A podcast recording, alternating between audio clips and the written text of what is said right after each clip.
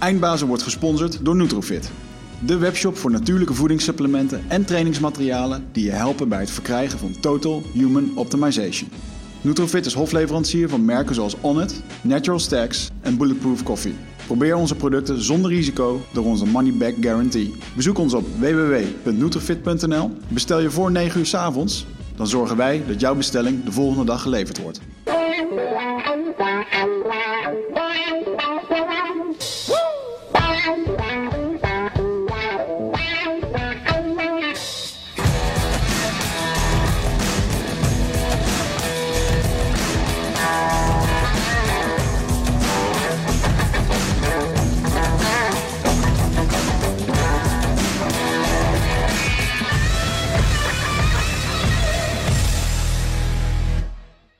Zo, back once again. To Man. the Renegade Master. Ja, dat zat ik zo te denken. People damage about it. Nou, goed. Ehm, Wauw, we hebben er al een eh, flinke ochtend op zitten, eh, mannen. We zitten Ja. hier eh, met z'n drieën in de studio en we hebben vanochtend onze Hero Retrospective afgerond. Ehm, mede in de studio hier vandaag zit Remco, mijn wingman, mijn buddy, waarmee we nou, ja, echt al een paar mooie stappen de afgelopen jaren hebben gemaakt. Ehm, Het is mooi als je zegt mijn wingman. Dan denken de mensen, gaan die dan iedere zaterdag uit of zo? ja, ja, ja, ja, het is een beetje... Klopt. Die de tijd term- hebben we gehad. Die tijd hebben we inderdaad gehad. We zijn inmiddels eh, best wel saai geworden. Maar Nou ja. eh, eh, we werken nog wel steeds structureel naar onze doelen toe. En een van de dingen die wij eh, doen, en die we laatst ook nog een keer bevestigd hebben gekregen in de podcast, die heel waardevol eh, zijn om te doen, is: eh, we hebben net een oefening gedaan, een stukje reflectie. We hebben eigenlijk even gekeken naar eh, 2018. Wat we hebben gedaan. We hebben daar een eh, modelletje voor dat we gebruiken. We noemen dat de Hero Retrospective. Waarbij we eigenlijk kijken naar de stappen van het afgelopen jaar. Op basis van de monomythe. Eigenlijk het standaard heldenverhaal. En de onderdelen die daarin zitten. En hoe die betrekking op ons hebben gehad in eh, 2017. En het leek ons eigenlijk wel een, eh, een leuk idee om even de vibe door te pakken. En eens eh, nou, even kort te spreken over wat eh, het gestructureerde werken. En het werken met een roadmap. En het werken met eh, een stukje daily stand-ups. En eh, nou, een stukje reflectie op wat we hebben gedaan. Eh, wat het ons heeft gebracht. En misschien kunnen we daar nog iets van waarde bieden aan mensen die, die luisteren. Omdat toch een beetje de tijd van de goede voornemens is weer aangebroken. En mensen denken dus na over wat ze hebben gedaan. En wat ze willen gaan doen. En ja, ik vind dat wel interessant, man. Goede voornemens. Wichert, wat denk jij dat eh, een van de belangrijkste redenen is dat eh, goede voornemens zo vaak eh, stranden?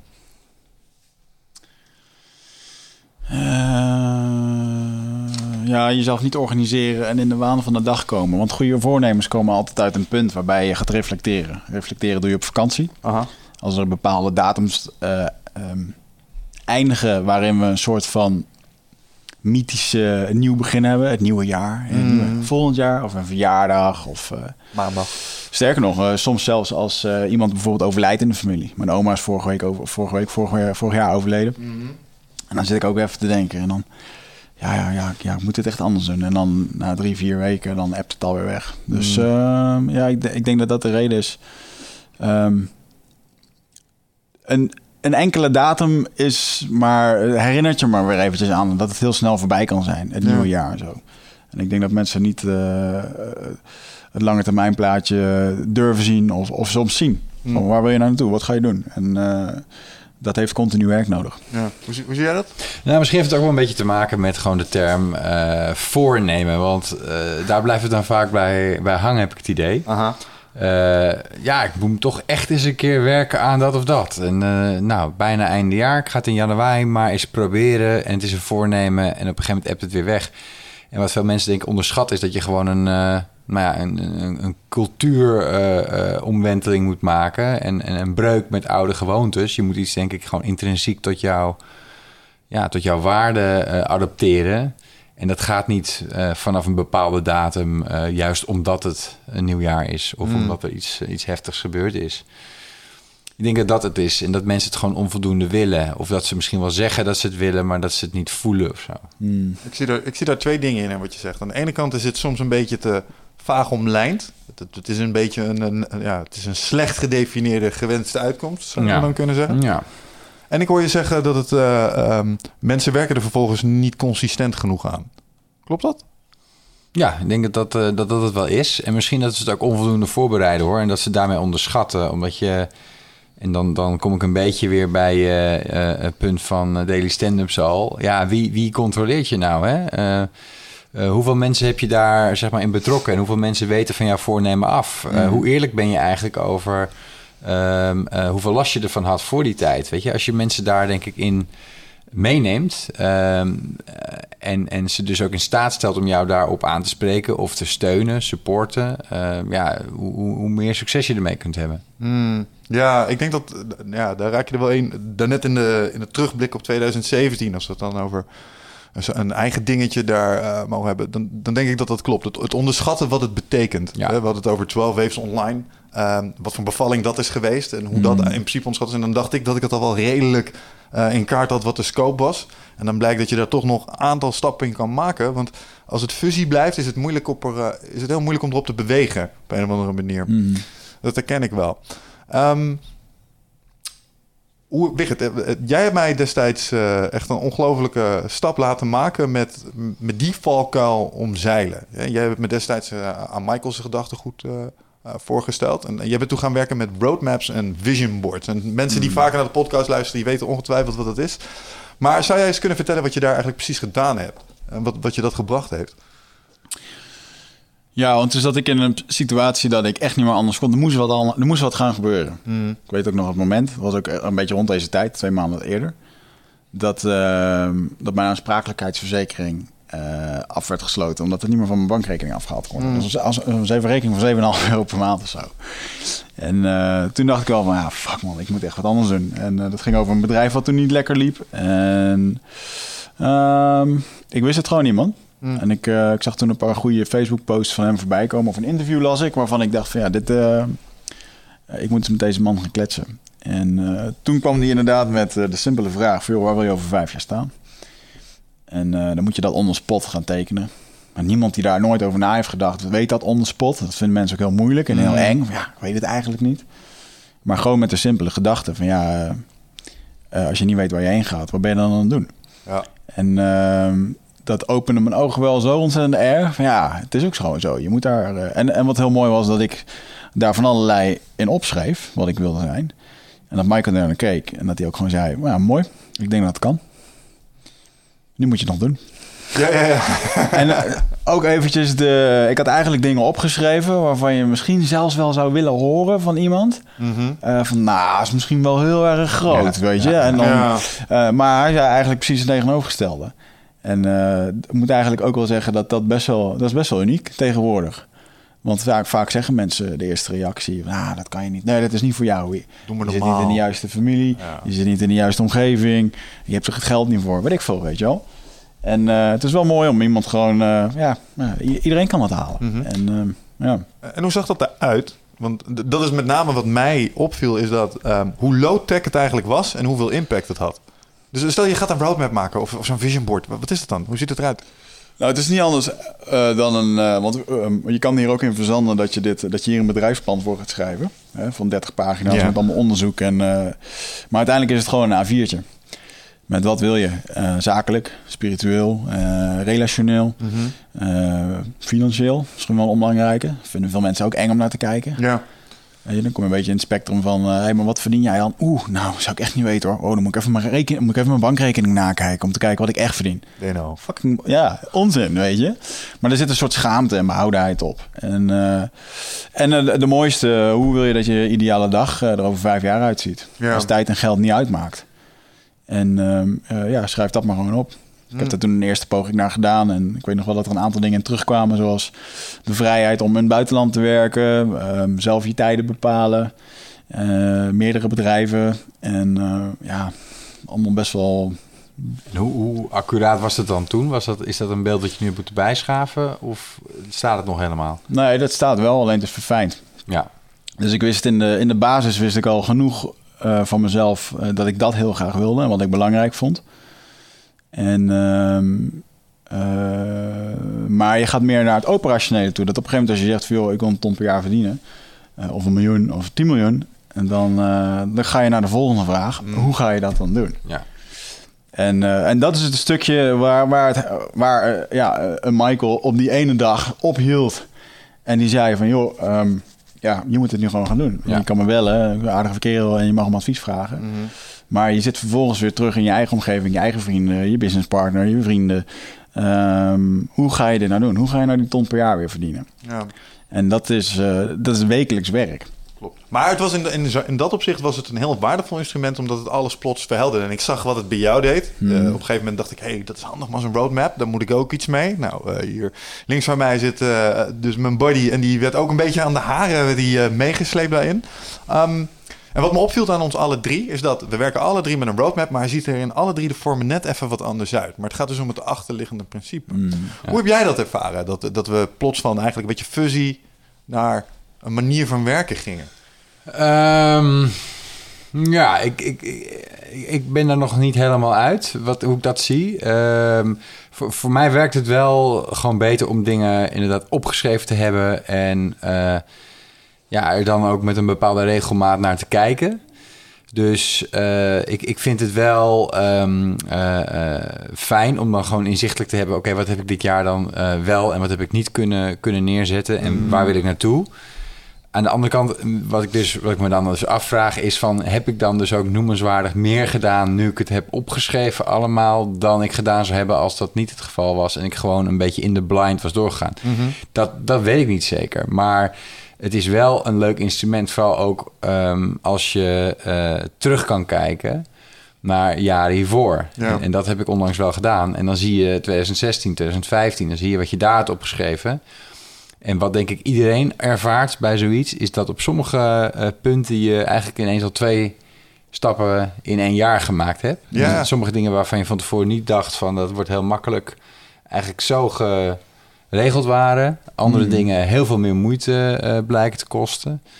En sommige doelen ook misschien iets te vaag waren, omdat ze niet op één jaar eh, te realiseren zijn. En, Hmm. en, en gewoon een drie jaar of vijf jaren plan vereisen.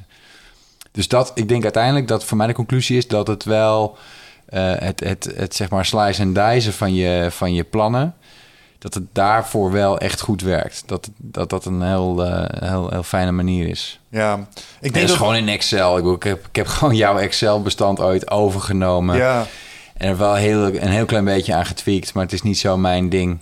Eh, dat, dat digitale. Dus ik ben nog steeds heel blij met jouw opzet van eh, een paar jaar terug. Ik denk drie jaar geleden of zo, Mm. de eerste. Het bierveeltje. ja, nou ja, maar nee, je nee, kunt nee, dingen ook op Excel. papier doen. Ja, ik heb er ooit een keer een template gemaakt. Zelf ben ik helemaal terug naar papier gegaan nu. Ja. Omdat ik gewoon iets in het schrijven vind. Hmm. Wat je zei over dat, eh, ik vraag me af of op deze manier werken er nou voor zorgt dat je daadwerkelijk meer, eh, meer doet. Ik weet niet of je echt meer doet, maar ik denk wel dat we inmiddels kunnen stellen dat je ehm, een beter resultaat behaalt. Ik wil niet zeggen dat je meer doet, misschien doe je zelfs wel minder. En ik, ik denk dat omdat ehm, we hebben hier laatst een mevrouw gehad, Michaela Schippers, en die was eh, betrokken bij het Self-Offering Program. Eh, dat is een, eh, een, eh, eigenlijk een goal-setting programma van eh, meneer Jordan Peterson. En die hebben eh, onderzoek gedaan in Nederland naar studenten die zij eh, enerzijds hun doelen lieten opschrijven aan het begin van hun studie. En anderzijds regelmatig lieten reflecteren op, op die doelen. Dus eigenlijk zoals wij vandaag ook hebben gedaan, alleen dan die interval misschien iets kleiner. En eh, de eerste resultaten daar waren in ieder geval dat het studiesucces en eh, het, mensen die hun opleiding daadwerkelijk afmaakten, ehm, enkele tientallen procenten, ik weet even niet hoeveel, maar echt beduidend eh, hoger was als 60% mensen in de controlegroep die dat niet Ja. deden. Ja, dat is, dat is formidabel. ja. En ik denk dat het ook wel een. ehm, nou, Wigert, misschien kun je dit bevestigen of niet. uh, maar we hebben inmiddels wel best wel veel met mensen met roadmaps gewerkt. En, zo, en je hoort ze toch allemaal wel zeggen: het is leuk om te zien. Een jaar, ook al pak je hem twee jaar later, pak je hem terug, zeg maar. hey, het is gewoon Ja. gelukt. Die Ja. vinkjes zijn gewoon te zetten. Ja, maar dat is het moeilijke hoor, om... eh, eh, wat, ja, wat veel mensen denk ik nog niet inzien... is dat het, je kunt wel even naar zo'n dag gaan waarbij je dat eh, invult. Eh, maar het heeft gewoon twee jaar nodig. Ja. Mm. En wat mensen graag willen is de instant gratification. Dus je gaat naar zo'n dag toe. Maakt niet uit wat je doet. Of je koopt een cursus online. Of, eh, en je wil meteen, eh, meteen dat resultaat. En we leren mediteren. We leren dit. We leren zus. Maar ga, ga het maar twee jaar doen. En eh, kijk dan eens hoe je je voelt en waar je staat. En, en vaak is het dat je wat je twee jaar geleden hebt opgeschreven... zo lang weer een beetje weggevaagd voor veel mensen. Sommigen doen er helemaal niks mee. Mhm. Maar als je er een beetje serieus mee aan de gang gaat... Ja. dan eh, is het Ah. een powerful tool. En dat is, een, dat is een hele goeie. Dat het serieus aan de gang gaat. Ik merk dat, dat bij mensen die de stap hebben genomen om een, eh, eh, zeg maar een doel te verhelderen. Dus die hebben het concreet gemaakt. Bijvoorbeeld die hebben gezegd, hey, die ton omzet, die komt eh, hier, hier en hier vandaan. Mhm. Ehm, en dan merk je dat er ineens een soort knop omgaan, omdat de hersenen, zeg maar, die ton omzet vinden ze moeilijk. Ja. Maar als je het dan in stukjes hebt gehakt, en je hebt verhelderd wat het dan precies is, dan ineens kunnen we er allerlei acties aan verbinden en eh, dan kunnen we het gaan uitvoeren of zo. Ja. Het is echt eh, heel, frappant. Ik denk ook wel echt dat het iets is wat in deze tijd gewoon nodig is. En wat misschien vroeger, toen je iedere dag naar de fabriek ging...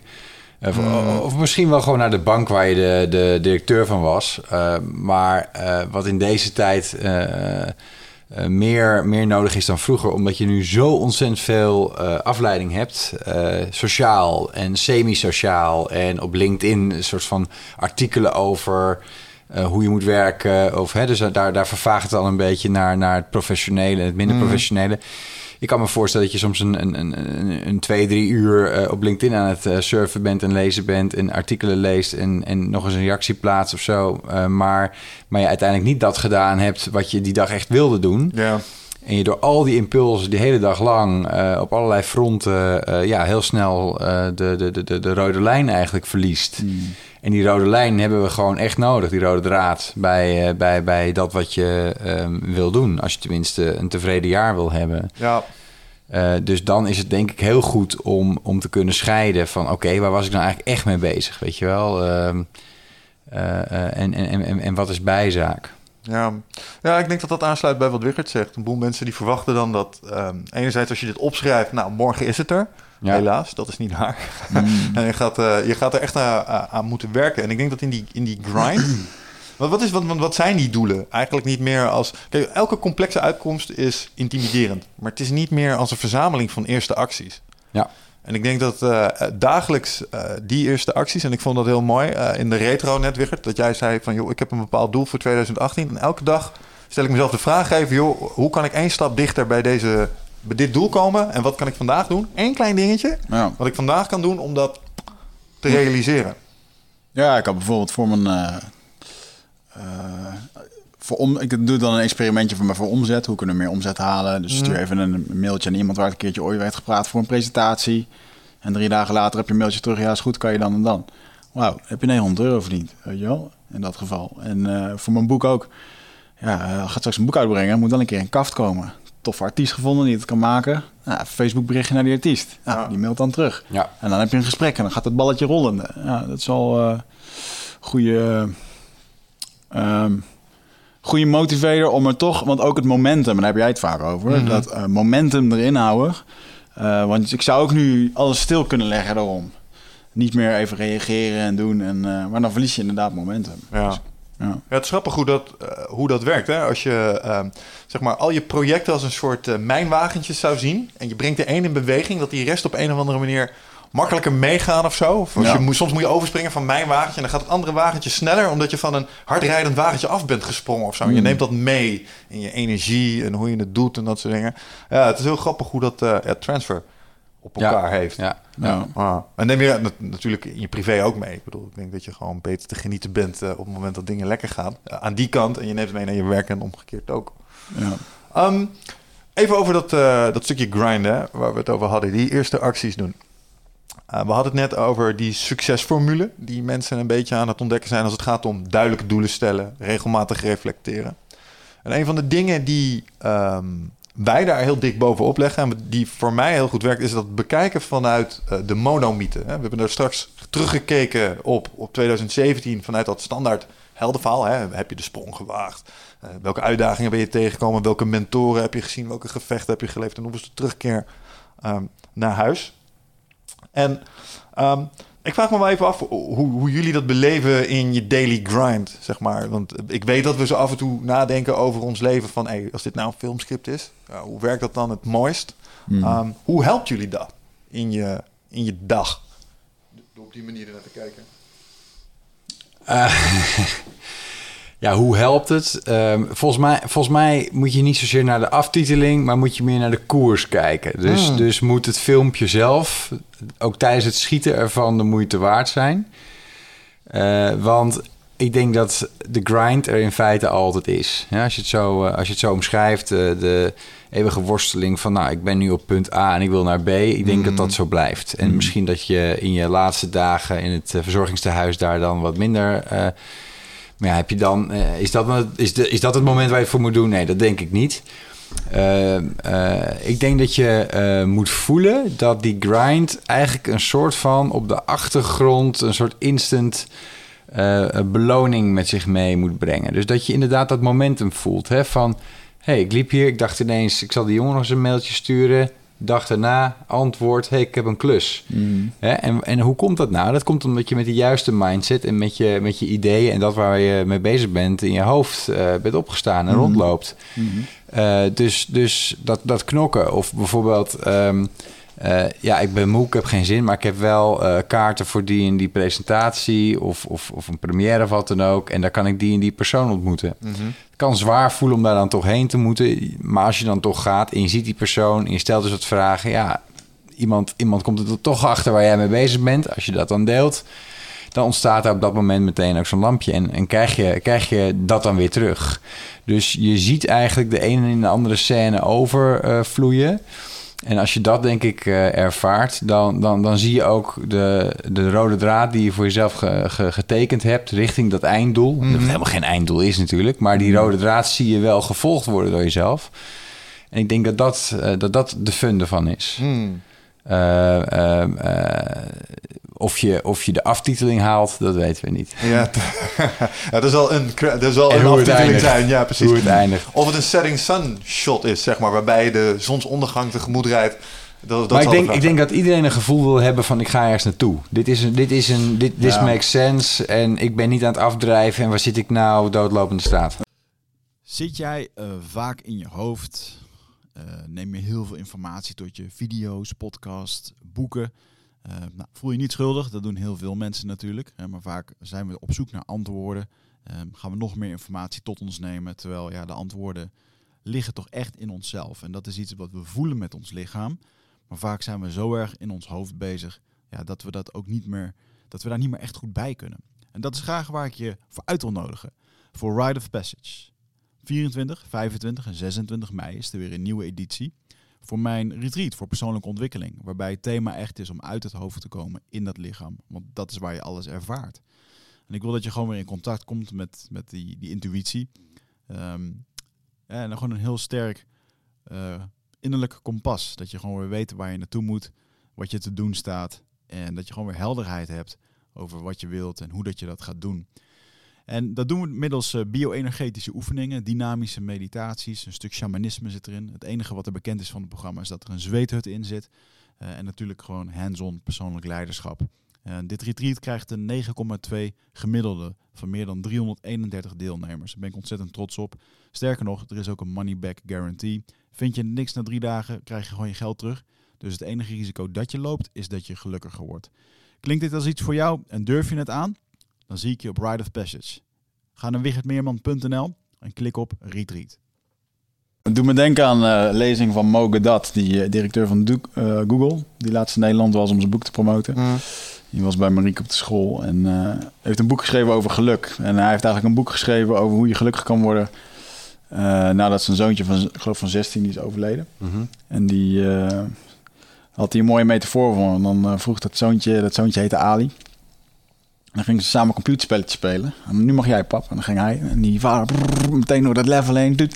En dat zoontje gewoon, ja, maar papa, dit is toch helemaal niet leuk spelen. Je moet gewoon in dat veld. Je kan er overal naartoe en dit en dat. Dat was voor hem echt een les van, ja, wij zitten alleen maar op doelen behalen. En ja. uh, moeten verder. Terwijl die kleine, die uh, gaan lekker rondturen. En, uh, en zo is het ook in het leven, zeker. Mm. Ja, het verhaal op zich doet er ook toe. Dat is ook wat ik een beetje bij ja. jou hoor, zeg maar. Het is de route naar het, naar het einddoel die er ook toe doet. Als, als dat het niet is voor jou, weet ik niet of je wel de juiste route volgt. Want dan ga je inderdaad alleen maar op hele harde cijfers bijvoorbeeld werken... zonder dat je er een gevoel bij hebt. Ja. Uh, en dat is natuurlijk ook het, het risico een beetje van zo'n soort systeem...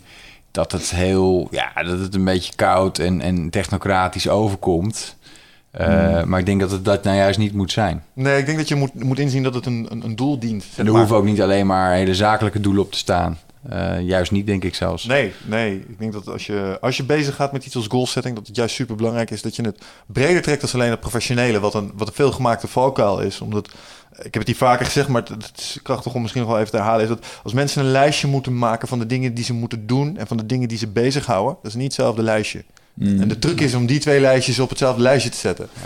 Ik denk dat dat eh, belangrijk is. Ja, dat, dat element verhaal vertellen, zeg maar. Het kijken naar je, naar je route eh, door, door de bril van een kijker naar, eh, naar een verhaal. Ik, ik denk dat dat... ehm, verhalen vertellen is echt belangrijk voor ons mensen. We, Ja. we zijn ook allemaal een beetje de hoofdrolspeler in onze eigen film, denk ik. En waar het mij heel erg mee helpt, is dat... ehm, wat zou de held doen? Als wij een film of een serie zitten te kijken, dan weten we precies wat er gebeuren moet, toch? Ik zag laatst dat ik weer een enge film te kijken. eh Bright met Will Smith, nu op Netflix, zeg maar. En dan doen ze dingen en dan lopen ze een of andere kamer in waar je een geluid hoort. Weet je, dit moet je niet doen. Dit is echt een dom idee, weet je wel. Op een afstandje is de oplossing altijd makkelijk. En gek genoeg is dat ook zo voor jou. Als jij nu op afstand zou kijken, als dit een film was. Je staat voor een moeilijke keuze. 2018, wat ga ik doen? Ja, voor jou eigenlijk is het als een klaar als een klontje. Zeker als je nu een script moest schrijven voor een film voor een held. Dan zou je het snel doen. Dus als je de held was, zou je puntje, puntje, puntje, puntje doen. Nou, ik denk dat dat voor een boel mensen Ja. ook wel interessant is om eens uit die hoek Ja, te kijken naar hun leven. En dan helpt ook jouw, jouw buddy systeem gewoon goed. Want dan heb je dus al één iemand in die zaal zitten die meekijkt en denkt Ja. van... Ja. Gast, eh, het is toch duidelijk dat je die, die kamer niet ingaat, maar dat je gewoon je vrouw gaat redden. Of eh eh, eh, kantoor staat in de fik. Eh, ja. Ja. ja, ik heb dat met mijn eigen eh, het buddy systeem heb ik ook voor mijn boek in het leven geroepen. Mijn eigen mastermind voor het boek. Dus ik heb nu elf mensen, daar heb ik dan naartoe gestuurd. Nu één mail gestuurd voor mijn plot, weet je wel. Slim hoor. Ja, We gaan nu, maar nu zitten er dus mensen te vragen, hey, eh, waar blijft het? ja. ja. Terwijl ik gewoon helemaal in de Ik er aan, ik hè? zit van in die fucking perfectionisme van... hé, ja, ehm, straks is het niet goed. Eh, ik heb heel erg het idee dat ik mensen lastig val... door iedere keer drie hoofdstukken over de schutting. Maar, maar dat is gewoon... Nee, eh, maar daar is het voor. ja. Voor de mensen die zich afvragen, waar, waar hebben ze het dan over? Wij, wij geloven heel erg dat als je je verhaal kent, als je het dan deelt en er is een soort van publiek, dan eh, motiveert dat sowieso om het na te jagen. En nou ja, goed. ehm, het is natuurlijk ook zo dat op het moment dat je doelen uitspreekt naar mensen en je, je laat jezelf accountable houden, dat het op een of andere manier makkelijker is om eh, rotklusjes eh, te doen. Dus wat eh, Remco en ik elke ochtend doen is ook als een stukje reflectie. We kijken naar wat we gisteren hebben gedaan. We kijken naar wat er moet gebeuren vandaag. En eh, wij identificeren de rotklus van de dag. En dat noemen we ook Juist. wel de kikker. De kikker. Mhm. Eh, hoe bevalt dat? Ja, de kikker is, is echt een extreem goeie, eh, vind ik zelf. Ehm, want eh, dat is dat klusje waar je dus geen zin in had. Ja. Eh, maar waarvan je echt wist dat het nou ja, eigenlijk vandaag gewoon per se moest. En waarvoor je misschien zelfs wel langer zou moeten doorwerken als het niet lukt. Maar wat dan toch op de een of andere manier niet aangeraakt wordt. Omdat je weerstand voelt. Eh, en dat is iets wat iedereen heeft. Dat zal wel iets heel biologisch, DNA-technisch verankerd zijn. Maar eh, iedereen kampt ermee, of veel mensen. En ik denk dat je ehm, altijd baat hebt bij allerlei trucjes om daar omheen te gaan. En een daarvan is denk ik de buddy. Ja. Dus als jij zegt, ja, ik, eh, in mijn geval als advocaat, eh, ik moet een set algemene voorwaarden schrijven, want de cliënt had dat gisteren al verwacht. En Michel hoort, ja, vandaag gaan er een zootje algemene voorwaarden af. Ja, dan voel ik toch eh, ook naar hem toe eh, al de stand-up van de volgende dag in mijn nek hangen. Eh, waarin jij zult zeggen, en, is het gelukt? ja. En niet dat dat nou doorslaggevend is, want ik kom er wel onderuit als het moet. Maar eh, toch wel, nou ja. maar ehm, eh, uiteindelijk zijn dat wel goede dingen. En, en niet eens zozeer omdat jij er dan met een stok naast staat, maar omdat ik het uitspreek. Omdat ik echt Ja. voor mezelf identificeer. Dat is dus het belangrijkste. Dus als al die afleiding langskomt, telefoon, online... Ja, dan, dan, dan stuur ik die gewoon weg. En het werkt gewoon echt. ja. Michael, wat valt jou daarop als je kijkt naar jouw, eh, eh, jouw kikkers? Wat voor, wat voor soort klusjes zijn dat doorgaans? De, het schrijven aan mijn boek. In de zin van... ehm, eh, ik heb dit jaar ook een beetje een fout gemaakt om, om mezelf te proberen te veranderen op een, op een andere manier. Bijvoorbeeld, eh, toen ik de ziekte van Pfeiffer had dit jaar, toen kon ik me heel slecht concentreren. En eh, ging ik allemaal manieren zoeken om weer terug in die flow te komen wat ik eerst kon. Terwijl eigenlijk was je gewoon herstellende. Weet je, je lichaam is helemaal niet bezig met eh, drie uur lang typen. En dan ook nog eens een keer jezelf de zweep geven dat je dat niet kon. Dus ik ging op een gegeven moment heel erg kijken van ja, misschien moet ik gewoon 20 minuten zo'n Pomodoro-techniek. Weet je wel, 20 Ja. minuten werken, 5 minuten wat anders. Nog een keertje gekletst met Casper van der Meulen, zijn boek gelezen. En ja, allemaal van die focus trucjes en zo. Ja, maar ik kom er eigenlijk nu gewoon achter dat ik het beste focus heb als ik gewoon 's ochtends eh, begin.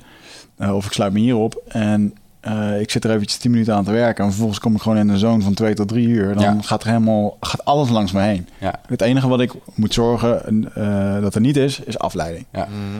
En eh, t- toen ik dat in één keer weer een paar keer door had, dacht ik echt van... fuck man, ik heb mezelf gewoon proberen te veranderen. Op iets wat echt een unieke eigenschap is. Dat je gewoon twee, drie uur ergens in kan zitten en gewoon kan tikken, weet je wel. Maar ik denk dat wat je daar zegt voor echt, ik denk 90% van de eh, professionals wel een gouden tip is. Isolatie. Als Ja, jij in die flow state wil komen, want waar jij nou op stoet bent, is echt een, een mentale staat, hè? Je- je- vertel maar, hoe werkt dat met flow states? Hmm, nou ja, je moet er eventjes in, je moet er even inrollen, want het is een, eh, eh, het is hetzelfde als slapen. Je slaapt niet meteen. En ehm, eh, ook op het werk, je hebt gewoon even nodig om aan die mail te beginnen. Maar als je er helemaal in zit, joh, dan ben je gewoon bezig. Maar vind je het lekker om in die flow state te zitten? Ja, vind ik heerlijk. Ja. Dat is, mijn, Dat is eh, grap, hè? Want het is dus net die kutklus ja. die je niet wilde doen. Maar als je erin zit, dan denk je, ja, ik zou nog uren door willen werken. Ik heb ook met Pomodoro gewerkt en ik vond het ook afleiden. Ik denk, ook ik zit al op 25 Ja, ik minuten. moet stoppen nu. Ik Ja. ben al halverwege. Eh, heeft het zin om 2,5 minuut eh, nog even die mail te gaan Ja. checken? Ik Nou, denk nee. dat dat eh, voor mensen is die het lastig vinden om te concentreren. Die dan, ah shit, ik moet nog gaan werken. Ja. Oh, nog maar vijf minuutjes. 25 minuten effort is wel te overzien. En dat Ja. maakt het overzichtelijk. Ik doe die voor mijn, voor mijn, want in de ochtends dan probeer ik de lang, long term een grote klus te doen. En smiddags dan open ik mijn e-mail. En dan is het wel belangrijk om daar een, een tijd voor te zetten. Want ik kan ook weer twee of drie uur in die mail zitten. Maar daar word ik eigenlijk best wel ongelukkig Ja. van. Want dan ga ik ook een beetje zoeken wat ik leuk vind. En nu heb ik weer een systeempje dat ik iedere dag even kijk. Ik wil die mail gewoon weggewerkt hebben. Weg, weg, weg in die map. eh, even antwoorden. En ook niet terug meer in die mail kijken. Dus ehm, ook met WhatsAppen probeer ik nu eigenlijk... eh, s ochtends als ik in de auto zit, dan, eh, dan luister ik het. En dan spreek ik wat terug in. Ik vind het type ook niet meer relaxed. En daarna wil ik er ook eigenlijk niet meer in kijken. Eh, er is één iemand die daar wel bij doorkomt en dat is, eh, dat is de vrouw. Je staat op de whitelist, ja. Eh, maar verder, weet je, wil ik dat niet meer. Ik wil eigenlijk ik wil ook niet meer geleefd worden door dat soort social media of applicaties. En eh, het is gewoon relaxed om dan s'avonds nog een keertje alles door te kijken, alles in te spreken en het dan weer achter je te laten. Ja. Ik ga deze er gewoon even bij opschrijven als een van de dingen voor volgend jaar. Want eh, wat je nu zegt, dat eh, vertaalt één op één mijn eigen De, de dingen die jij ook vaak naar mij inspreekt, eh, als ik dat nu gewoon terugkijk, en dat heb ik ook gedaan, van de belangrijke mensen die hier wat in, voor mij in mijn leven, die hier wat inspreken, eh, hoe cruciaal is het allemaal? Ja. Eigenlijk is er niks echt heel erg cruciaal. Nee. Dus, Nee, eh, en, en, en achteraf ben je veel beter in staat te filteren. Dus je kunt, eh, als het binnenkomt, kun je in de discussie of in het gesprek, of al die groepsapps Mm. natuurlijk, kun je verzanden. ja. S'avonds is het vaak al uitgekristalliseerd en denk je, ja, oké. ja, of het lost zichzelf op. En Mm. eh, wat een hele goede hiervan was, was eh, die cursus van die monnik die ik had gedaan, van die Dandapani. Eh de monnik die CEO's in Die heeft geen eh, smartphone, denk ik. Nou, ja, wel. Sterker nog, hij werkte bij een, eh, in zo'n monastery waar een eh, internetbureau was. Dus de monniken deden daar webdevelopment. En, eh, maar het grote idee was dat je, eh, als je iets doet, dan doe je dat eh, single-minded. Je doet dat, dat.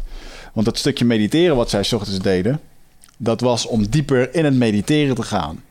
Maar je kan niet mediteren op het moment dat jij de hele dag jezelf aanleert om afgeleid te zijn. Nee. Met de telefoon, met e-mails, met dit en dat. Dus daarom heeft het kwartiertje mediteren ook eigenlijk geen nut als je 23 uur en 4, 45 minuten per dag afgeleid bent. In de auto appen. Eh, dus ook in de auto. Probeer eens gewoon alleen auto te rijden. Wat je eigenlijk hoort te doen ook. Ehm, eh, en als je op Facebook zit, zorg dan ook dat je alleen op Facebook zit. Weet je? En niet nog even... Up, weer, laatst betrapte ik me daar ook op. Dan druk ik in één keer op die home knop en dan ga ik naar mijn mail en dan open ik mijn mail en denk ik, waarom open ik mijn mail? Weet je? En dat soort dingen is niet. eh, Ik heb daar een vraag gezond. over. Ik hoorde laatst iemand zeggen dat eh ADHD'ers mensen zijn die juist een soort ontwikkeling hebben gemaakt dat ze op meerdere van die niveaus met verschillende dingen bezig kunnen zijn. Dacht ik, "Mwah, in deze moderne maatschappij het zou een soort adaptatie kunnen zijn. Maar ik geloof tegelijkertijd ook dat wij echt niet gemaakt zijn om meerdere dingen tegelijk te doen. Hmm. Wat vind je daarvan? Ja, ik geloof niet dat multitasken Nee. bestaat. En natuurlijk kun je wel eventjes in je mail duiken en eh, ondertussen een telefoontje doen en iets wegklikken. Eh, maar op het moment dat je echt heel productief wil zijn, ik bedoel, dat doe je niet met de belangrijke taken. Nee. Nog even terug eh, naar die kikkers, hè? Want ehm, als, je, als je nou op afstand naar die klusjes kijkt, is een van de dingen die mij opvalt, is dat die dingen waar je het minste zin in hebt, die het meeste pijn doen, vaak ook als je kijkt naar je doelen, eh, vaak een hele grote stap van voortgang vertegenwoordigen. Ja. Is dat iets wat jullie herkennen? Ja, zeker. Ja. Ja. Hoe bedoel je? Nou, stel je voor, ik, eh, ik moet iets doen. Ik moet twee dingen doen. En één zorgt ervoor dat ik een Oh, stap zo. boek Ja. op mijn roadmap. Maar da- daarmee eh, komen er waarschijnlijk ook weer allerlei andere dingen Ja. tevoorschijn en zo. Dat, dat kan ik voorspellen. Dus dan denk ik, eh, Ja. weet niet. Ik heb daar een heel, hele battle mee met mezelf. Want ik weet, ik, ik weet gewoon dat mijn boek afschrijven... eh, gaat mij alles brengen wat ik graag wil. Op een podium staan, bij bedrijven kletsen... je eigen unieke verhaal hebben, bla bla bla. Hmm. Autoriteit, ja. Maar fucking hell, wat is het een klus, weet je? Eh, ja, dus het moet, het moet perfect zijn, weet je? Dat is het, eh, de, onderliggende gedachte daaronder. Ja. En ehm, als jullie nu naar een, eh, een tijdje werken en met roadmaps kijken, eh, dat vind ik altijd een, een belangrijk om even te constateren. Ziet dat ding er van eh, vijf jaar geleden, ziet dat er nog steeds hetzelfde uit als je roadmap vandaag? Nee, dat is wel wat, eh, nou ja, wat, wat, wat, wat, meer ruw, zeg maar. Wat onduidelijker. Het is, het is nu wel allemaal een stuk eh, concreter. En daarbij is de ontwikkeling ook wel voortgegaan. Dus, dus ja. Ja. er is ook wel wat voortgang. eh, eh, het begon met geen schulden meer. En nu is het iets sparen. Dat soort dingen. Ja. Eh, Ja. Maar het is ook wel, ik, denk ook wel wat terugkomt, eh, is, is de manier waarop je zoiets doet. Hè. Je zegt zelf al van ik doe het nu allemaal schriftelijk en niet meer online. Ik ben zelf ook begonnen, volgens mij jij ook, met dat Toeledoe-programma. Eh, dat heb ik nog wel. Eh, alleen ja, op een gegeven moment begon me dat digitaal toch wat tegen te staan. En, en, en eh, een vinkje klikken en zo. Eh, voor, voor, zeg maar de dagelijkse taken maak ik nu gewoon nog steeds, of eigenlijk weer gewoon fysieke lijstjes. Ja, wij beginnen elkaars eh, dag altijd met elkaars de takenlijst te mailen. Zo een fotootje op WhatsApp. Dit is wat er gaat gebeuren vandaag. Dit Ja. is de hitlist. Ja, ja, misschien is het lekkerder om dat door te strepen dan om een klikje te zetten. Misschien is dat het wel, maar het, wat, ik, wat ik denk is dat je, ehm, dat je eh, niet moet denken dat het allemaal op dezelfde manier jarenlang door moet. Maar dat je Juist. gewoon eigenlijk creatief moet blijven of, of open moet blijven staan voor nieuwe manieren waarop je al dat soort dingen eh, voor jezelf bijhoudt. Ik denk het ook. Hoe kijk jij daar tegenaan, Wigert? Als jij kijkt naar je, naar je plannen van een paar jaar geleden versus nu? Ehm, plannen van een paar jaar geleden waren gemaakt uit een noodzaak. Er moest wat gebeuren. Dus er was ook heel veel eh, pressie om, eh, om het te laten gebeuren. Dus er was toen een noodzaak van geld. Dus logische gevolg wat je dan als doel hebt. eh, ik wil heel overvloed hebben aan geld. Staat hier ook financieel vrij in vijf jaar. Ehm, en het mooie is dat op het moment dat je... ehm, eh, dan ga je daar begin mee maken. We zijn nu, eh, ik heb mijn roadmap hier in 2016 eh, gemaakt voor het eerst. Eh, dat we gaandeweg, inderdaad, er zit een fase in. Want hier staat nog ergens dat ik een fulltime salaris wil trekken uit eh Nutrofit. En eh, ja, er staan ook andere doelen die wel gewoon passief inkomen, dat soort dingen. En dat zijn, we zijn nu ergens halverwege. En, en het is wel om gewoon aan het gebeuren. Ja. Ehm, dus laat ik het zo zeggen dat ehm, ehm, je, het is niet zo dat je dit opschrijft en dat dat het dan is. Dat is heel knap als je dat zo helder weet te doen. Ja. Dus het is voor mij een wekelijks werk geweest. En nou, nu hebben we dit vanochtend zitten bespreken. En dan kijk ik naar sommige doelen en denk ik... Hm, dat heb ik eigenlijk niet zo goed ingeschat. Moet toch weer anders doen. Top, en dat is precies waar ik heen wilde. Omdat eh, dat is wel een terughoudendheid die je ziet bij sommige mensen. Dan moeten ze iets gaan opschrijven. En dan zijn ze plots heel bang dat dat, dat het dan ook moet worden of zo. En daar Ja. zit dan een soort krampachtigheid Ja. in. En dan zeg ik altijd, ja maar eh, luister, het hoeft geen tatoeage te worden of zo. Weet je, je mag dit ding, eh, mag je voortschrijdend inzicht op hebben. Ja. Ik denk dat dat niet meer als normaal is. Want jij gaat nieuwe informatie opdoen naarmate je vinkjes gaat zetten op dat ding. Ja. En ga je leren. Ja, veel zaken die ik eh, vorig jaar januari met jou heb uitgedacht en opgeschreven, ja, die heb ik gewoon niet gehaald. Punt. Nee. En misschien Eh, wil je ze momenteel ook Halve eens marathon. Nou, geen zin in. Ja. Sta- het staat er. Weet niet in mijn, eh, staat zelfs nog voor eh, hardloopschema maken. Nou, ook niet. Hmm. Spaans leren. Helemaal geen zin meer in gehad.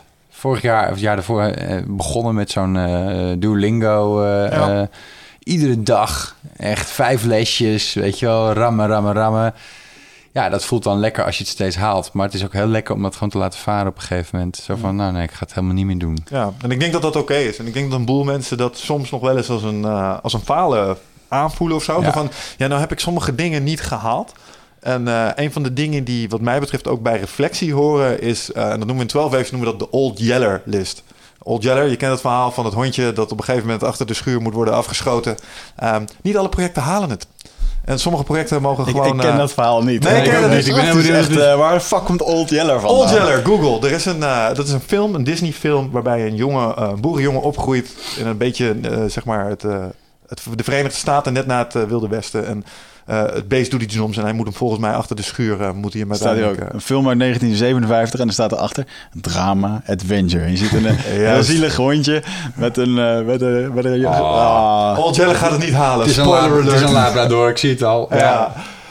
Maar Old Yeller is eigenlijk, het komt op neer, soms moet je dingen die je lief hebt, of waar, waar je veel waarde aan hecht, en je dacht, ja, dit moet echt gebeuren, eh, die, haalt het, die halen het niet. En dat is oké. En eh, eens in de zoveel tijd moet je gewoon even door al je projecten en uitkomsten heen en gewoon zeggen, ja, geinig, leuk dat we het hebben opgeschreven, maar deze niet. Klopt. Ja. Klopt. En daar moet je ook denk ik niet streven naar die aftiteling. En het happy end. Maar moet zeg maar die reis zelf eh, eh, de moeite al wel waard zijn. Ja. Ja, en perspectief. Want ik heb hier ook dat ik Portugees wilde leren. Dat wilde ik drie jaar geleden al. Vorig jaar moest ik het in één keer doen, omdat ik in één keer een uh, stamhoofd in mijn huis kreeg. Daar heb ik echt een half jaar privélessen, jong, online. En, en iedere dag ermee bezig. En toen, toen was hij weg. Toen kon ik eigenlijk nog kon ik vragen wat hij wilde eten en hoe het met hem ging. Maar verder... En toen was hij weg. En toen, toen heb ik het helemaal laten vallen. En nu ga ik terug naar de jungle en dan zie ik... Ik heb, ik ken wat meer mensen uit die Brazilië en zo. En in één keer komt dat dan weer op mijn Facebook. En ik kan gewoon hun Facebook-berichten enigszins begrijpen. Oh, je bent het bekwamer als je En dacht. ik zat in één keer zo te denken, holy shit. En toen zat ik in één keer laatst weer even uh, wat woorden op te halen en te doen. Dan denk ik, holy shit man, je hebt wel gewoon, je hebt gewoon Portugees geleerd, Ja. weet je. Ja, toch wat deurtjes En, open uh, gegaan. ja, het- wat is het dan? Ja, je wil, wil je vloeiend Portugees kunnen praten binnen een half jaar met zo'n, uh, met een gast die zelf nog maar 20% Portugees ja. kan. weet je, ja. Ja. Dus ja, um, dat. Dus je mag voortschrijdend inzicht hebben op je doelen en ook niet alles hoeft het te halen. En ook dat, wat ik al zei, dat is eigenlijk het, het, het, om het rondje compleet te maken, moet je inderdaad uh, zo af en toe ook uh, reflecteren. En uh, wat ik heb gemerkt, wat voor mij heel erg waardevol is, is dat we. Rem en ik hebben de neiging om onze successen te delen. Dat vinden we belangrijk. Als er iets goeds gebeurt, dan mag dat gedeeld worden met elkaar. Maar wat we ook heel beduidend proberen te doen, is als iets niet lekker gaat. Mm. Om daar gewoon even naar te kijken en bij stil te staan. En, um, maar gewoon drie weken lang ziek van te zijn. gewoon even van te balen. En zo af en toe mag dat ook Ja. wel. Ja. Maar ik ben wel even benieuwd hoe jullie dat, uh, hoe, hoe, hoe, jullie dat spel ervaren van terugkijken op je doelen, sommige dingen niet halen, sommige dingen wel halen en wat dat voor je brengt als je zeg maar de volgende ronde ingaat. Nou, ik denk dat dat uh, delen echt, echt heel, heel waardevol is. Um, ik denk dat de mens en ik zelf ook uh, over het algemeen dingen wat minder positief inziet dan, uh, dan misschien nodig. Uh, of je zit zo in je dag en in je week en in je probleem verzand dat een ander weer even moet vertellen van ja maar gast, je bent hele coole dingen aan het doen. Mm -hmm. Uh, ik denk dat het daarom heel goed is. En ik denk ook dat het goed is om. om ik denk dat dat ook de waarde is van de negatieve de dingen delen. Want ja, uh, hè, uh, de ene kwaal volgt de andere in feite op. Hè? Iedereen heeft altijd wel een probleem. Mijn pa zei ooit een keer van... welke problemen had jij vorig jaar rond deze tijd nou eigenlijk? En de meeste mensen kunnen zo'n vraag niet beantwoorden. Weet je? Mm, dat, dat zijn mm. dingen die je gewoon kwijt bent. Omdat ze niet meer spelen. En iedereen kent die momenten wel. Dat je terugdenkt aan een andere situatie in het verleden. Dat je denkt van ja, jeetje, daar heb, wat heb ik daar toch lang mee geworsteld? Wat een ja. onzin. Ja, ja, dus als je er zo in zit, is het heel handig als de uh, ander daarvan weet. En de ander ook het uh, grotere plaatje kent. En je kan zeggen van joh, weet je, laat het, dat, dat is echt typisch Michel laat het ook maar eventjes zo zijn. Hè? Zwelg er maar in. Ja, ja, ja, ja. Letterlijk citaat. Ja. Zwelg er gewoon maar even in en, en laat binnenkomen. En zorg vanavond goed voor je. Laat je meisje goed voor je zorgen. Dat soort dingen uh, uh, kun jij dan zeggen. En nou, natuurlijk wil je dat helemaal niet voor jezelf... want je wil vooral in je probleem blijven hangen. Ook zo'n neiging van de mens. Maar uh, ik denk toch dat het goed is. Ja. Hoe doe jij dat, Wigert? Uh, nou, dan kom je op een stukje waar uh, uh, delen voor mij heel moeilijk is geweest. Ja. Omdat ik, uh, ik ben eigenlijk, ik heb mezelf aangeleerd om niets te delen, omdat ik wil anderen niet tot last zijn. Oftewel, ik denk dat ik anderen tot last ben als, Ja. ik, als ik wat deel, want dan deel ik mijn problemen en dingen. En eh, ik denk dat dat ook een van de redenen is voor mijn burn-out. Dus ik zeg dat al vaker. Ik heb dan tien maanden op kantoor geslapen, maar er was echt niemand eh, die ik heb gevraagd of dat ik bij hem kon slapen. Het is, een, weet je, het is mijn keus geweest om dat te doen. Dus hetzelfde met, eh, met dit soort dingen delen. Ben, daar ben ik, ben mezelf wel echt aan het forceren om het te doen. En eh, als ik dan terugkijk naar mijn, eh, de grote lessen die ik leerde bij eh, mijn Indianenvrienden, waar ze geen computers hebben en andere dingen, daar zit ze gewoon in een kringetje en daar hebben ze sharing circles, weet je wel, dat delen ze gewoon. Want Ja. dat, dat werd al eeuwen gedaan. Het werkt ook gewoon helend. En daar zit ook een stukje transparantie in, wat, wat iedereen weet elkaars problemen. En daardoor heb je een veel beter vangnet automatisch. Kan iedereen elkaar helpen. En dat is denk ik iets wat we hier snel verleren. Eh, want we denken dat iets hoort te zijn op een bepaalde manier. En we schamen ons als het niet zo is. Ja. Eh, maar juist eh, eh, om ergens een, eh, een plek te creëren. En dat is dan bijvoorbeeld wat, wat we hier doen. Met, hè? En we merkten ook gaandeweg dat we vanochtend het gesprek hebben gehad. Eh, oh, we kunnen toch even wat dieper over ons privéleven en dingen en doen. Eh, je creëert in één keer een omgeving waarin je eh, kwetsbaar kan zijn. Ja. En waar je dit soort dingen kan delen. En dat is waardevol. Ja. En ik denk dat het heel belangrijk is, omdat je het, tenminste dat merk ik dan, als ik dan naar zo'n proces als vanochtend kijk, ik moet jullie iets uitleggen. En daardoor moet ik plots met dingen aan de war die ik nog nooit onder woorden heb gebracht of zo. Omdat jullie een paar moeilijke vragen stellen of een paar scherpe dingen zetten. Zeggen, dan denk ik, hm, nu moet ik iets gaan vertellen en uitleggen. En met dat je het jezelf hoort uitleggen, moet je een paar dingen doen. Je moet het in je hoofd sorteren, je moet het overdraagbaar maken. En ik denk dat dat ook een proces is wat een boel mensen onderschatten. Dat op het moment dat jij iets moet gaan uitleggen aan iemand, Ehm, dat je jezelf ook weer iets leert. Ze zeggen ook wel eens, de beste manier om iets te leren is door het anderen uit te leggen. Ja. En ik denk dat dat, eh, dat, dat, dat mechanisme hier ook Ja. eh, onder zit. Denk ik. Geen idee. Alright. Ehm, nou, de tijd eh, vliegt alweer behoorlijk. We zaten een beetje eh, op de tijd. Wiggert, vier uur is het inmiddels. Dus ik denk Jullie dat kunnen we... doorgaan als jullie willen. Ja, nou, ik denk dat we de belangrijkste dingetjes eh, voor nu ook wel even hebben aangeraakt. Eh, het doel van vandaag was even om eh, te kijken hoe je in ieder geval, eh, als je in 2018 eh, wat dingen teweeg wil gaan brengen voor jezelf, eh, hoe je een aantal van de dingen die wij regelmatig eh, daarbij doen, in ieder geval voor je kan laten werken. En eh, ik denk dat een van de belangrijkste dingen daarbij, eh, we beginnen de keer op keer toch alweer over eh, doelen stellen is. Ja. En het verhaal beha- benaderen vanuit het verhaal van de monomythe. En als je in dat kader daar misschien nou, wat meer verdieping in wil zoeken, dan heb ik nog wel een leuke tip voor je. Je zou potentieel eens even kunnen kijken naar een paar YouTube-video's van, we hadden het er straks al over, Jordan Peterson. En die heeft een paar leuke lezingen, onder andere The Maps of Meaning. En daarin vertelt hij over doelen stellen in het kader van een, hè, een soort van helder verhaal. En eh, als dat bij je resoneert, dan eh, hebben we goed nieuws. Want eh, 19 januari komt deze meneer naar Nederland. De Nederlandse Leeuw is een. nee, ik mag het geen. het is geen politieke partij, maar ze doen wel dingen in de politiek. Zijn heel betrokken. Die hebben hem naar Nederland gehaald om over een aantal interessante thema's te spreken. Ehm, en als je dat leuk vindt, kun je via Eindbazen, wij mogen een paar kaarten weggeven, ehm, kun je je naam achterlaten in de comments en dan eh, doe je mee aan de prijsvraag. Of we maken er nog een prijsvraag van. Eh, we kijken nog wel even. Maar 19 januari is die meneer dus eh, ook in Nederland. En als we een beetje geluk hebben, krijgen we hem in de studio. Dus dan kunnen we hier nog wat langer over doorspreken. Hij stond op mijn roadmap, dus ik ben er heel blij mee. Alright. ehm, denk ik dat we voor nu de belangrijkste dingetjes wel besproken hebben. Denk het niet. Wat ben je vergeten? Ik word vader in april. Over roadmappen gesproken. Dus eh, het staat toevallig wel in mijn... eh, ik heb hier de roadmap voor, maar daar staat in 2018 kinderen. Dus eh Ja. it's working. Het werkt gewoon. Het Alles werkt. Het is bijna ziek, hè? Het is Dit soort bij- dingen ook gewoon. neurotisch. Gadverdaddy. Ja, het is wel mooi, man. Ik bedoel, eh, Ik vind het zo leuk voor je. eh, we moeten hier maar nog maar een aparte podcast kunnen we erover opnemen. Maar eh, het is wel echt een super tof proces. Jonge vaders. Super, super, ja, de Jongevaders.nl. Ja, nee, er is een podcast hè, eh, daar over vaderschap. Ja, ja, ja, klopt. Die eh, Patrick Kikker die appte mij laatst nog van deze meneer moet je eens even uitnodigen. Misschien moeten we dat gewoon doen. Eh, die heet ook volgens mij De Jonge Vader. Of de, de praktijkvader, Ja. dat is hem. Ja. Eh, Wigert heeft op zijn roadmap ook tot doel staan Michel ervan overtuigen dat vaderschap hartstikke leuk is. En die eerste stap Ja. is gemaakt volgens mij. Dus, ja, eh, dus dat- we moeten eventjes zorgen dat eh, Michel wat comfier raakt. Dat hij niet heel zijn leven Eindvaders. kwijtraakt. En, eh, eindva- Eindvaders, Ja, ja. eindvaders. Dat zou mooi zijn. Grootvaders, mooie spin-off. ja, leuk. Maar eh, dus daar zijn we lekker mee bezig. En wat nog meer?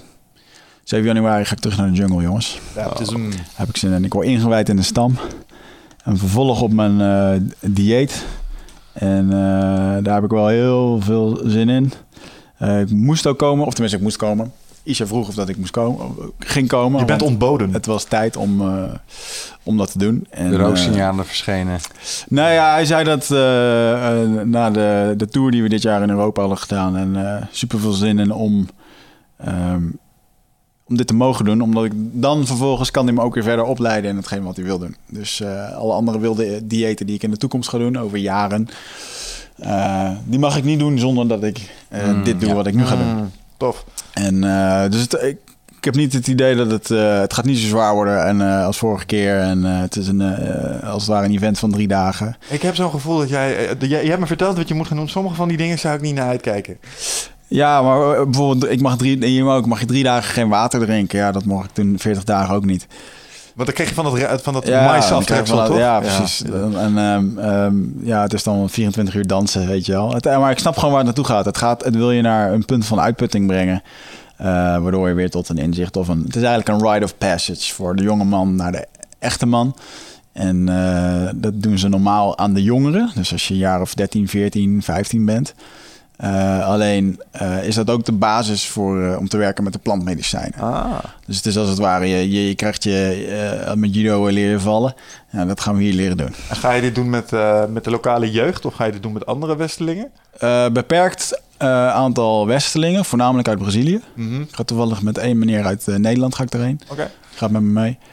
En dus ik denk dat we een mannetje 25 zijn. En de rest zal het Braziliaans zijn. En ja, een fucking unieke eh, ervaring. Heb ik wel Dat heel veel zin in. 24 uur dansen, is dat onder invloed van ayahuasca of is Nee, dat nee, nee juist, mag, juist in de drie dagen mag je helemaal niks eh, doen. Eh, Dat, dat De laatste zou wel grappig kunnen de zijn. avond daarvoor dan weer wel. Maar nou ja, en daarna moet ik eh, dan moet ik 24 uur dansen. En daarna is het eh, twee, twee dagen moet je rechtop in je, hand, in je handmat liggen. Rechtop. Ja, want je bent op, je, opnieuw aan het resetten. Ze gaan je zetten, je lichaam als het ware bouwen, zetten voor de rest van je leven. Ja. En als je dus krom ligt of krom hangt, dan zal je de rest van je leven krom blijven hangen. Dat is mooi, die gedachte zit erachter. Ah, dat had je vroeger in Nederland ook. Als je voor 12 uur een gekke bek trok en het was dan klokslag 12 Ja, uur, dan bleef je bek eh, zo ja. staan. Ja. Dus maar nee man, ik heb er zin in. En eh, ja, een korte trip. Ik ga maar eh, twee weken. En ja. Right man, be safe, Ja, be I safe. will. good journey. I will. Kom, kom veilig terug. Want, en dan nog een laatste en dan zijn we echt klaar. Eh, we hebben nu eh, wat eh, plannen ook gemaakt voor 2018. En ik denk dat we het ook wel even kunnen hebben. Kort over de grote eindbasisshow. We zijn een stuk concreter. Begin mei. Exacte datum volgt nog. Nee, eind mei juist. Eind mei. Ja. Exacte datum volgt nog. Gaat hier toch echt ervan komen? Gaat op de zondag worden. Mooi programma. Het zal in Amsterdam zijn. Eh, we hopen een paar toffe eindbazen op eh, het podium te trekken. En ehm, eh, dat zijn de eindbazen van onze top podcasts, de meest geluisterde. Op het gebied van persoonlijk leiderschap. En we zijn dat nu aan het rond eh, eh, trekken om dat in een tof programma te gooien. En eh, ja, dat wordt echt heel gaaf. Ik heb er wel heel veel zin in. Mooi.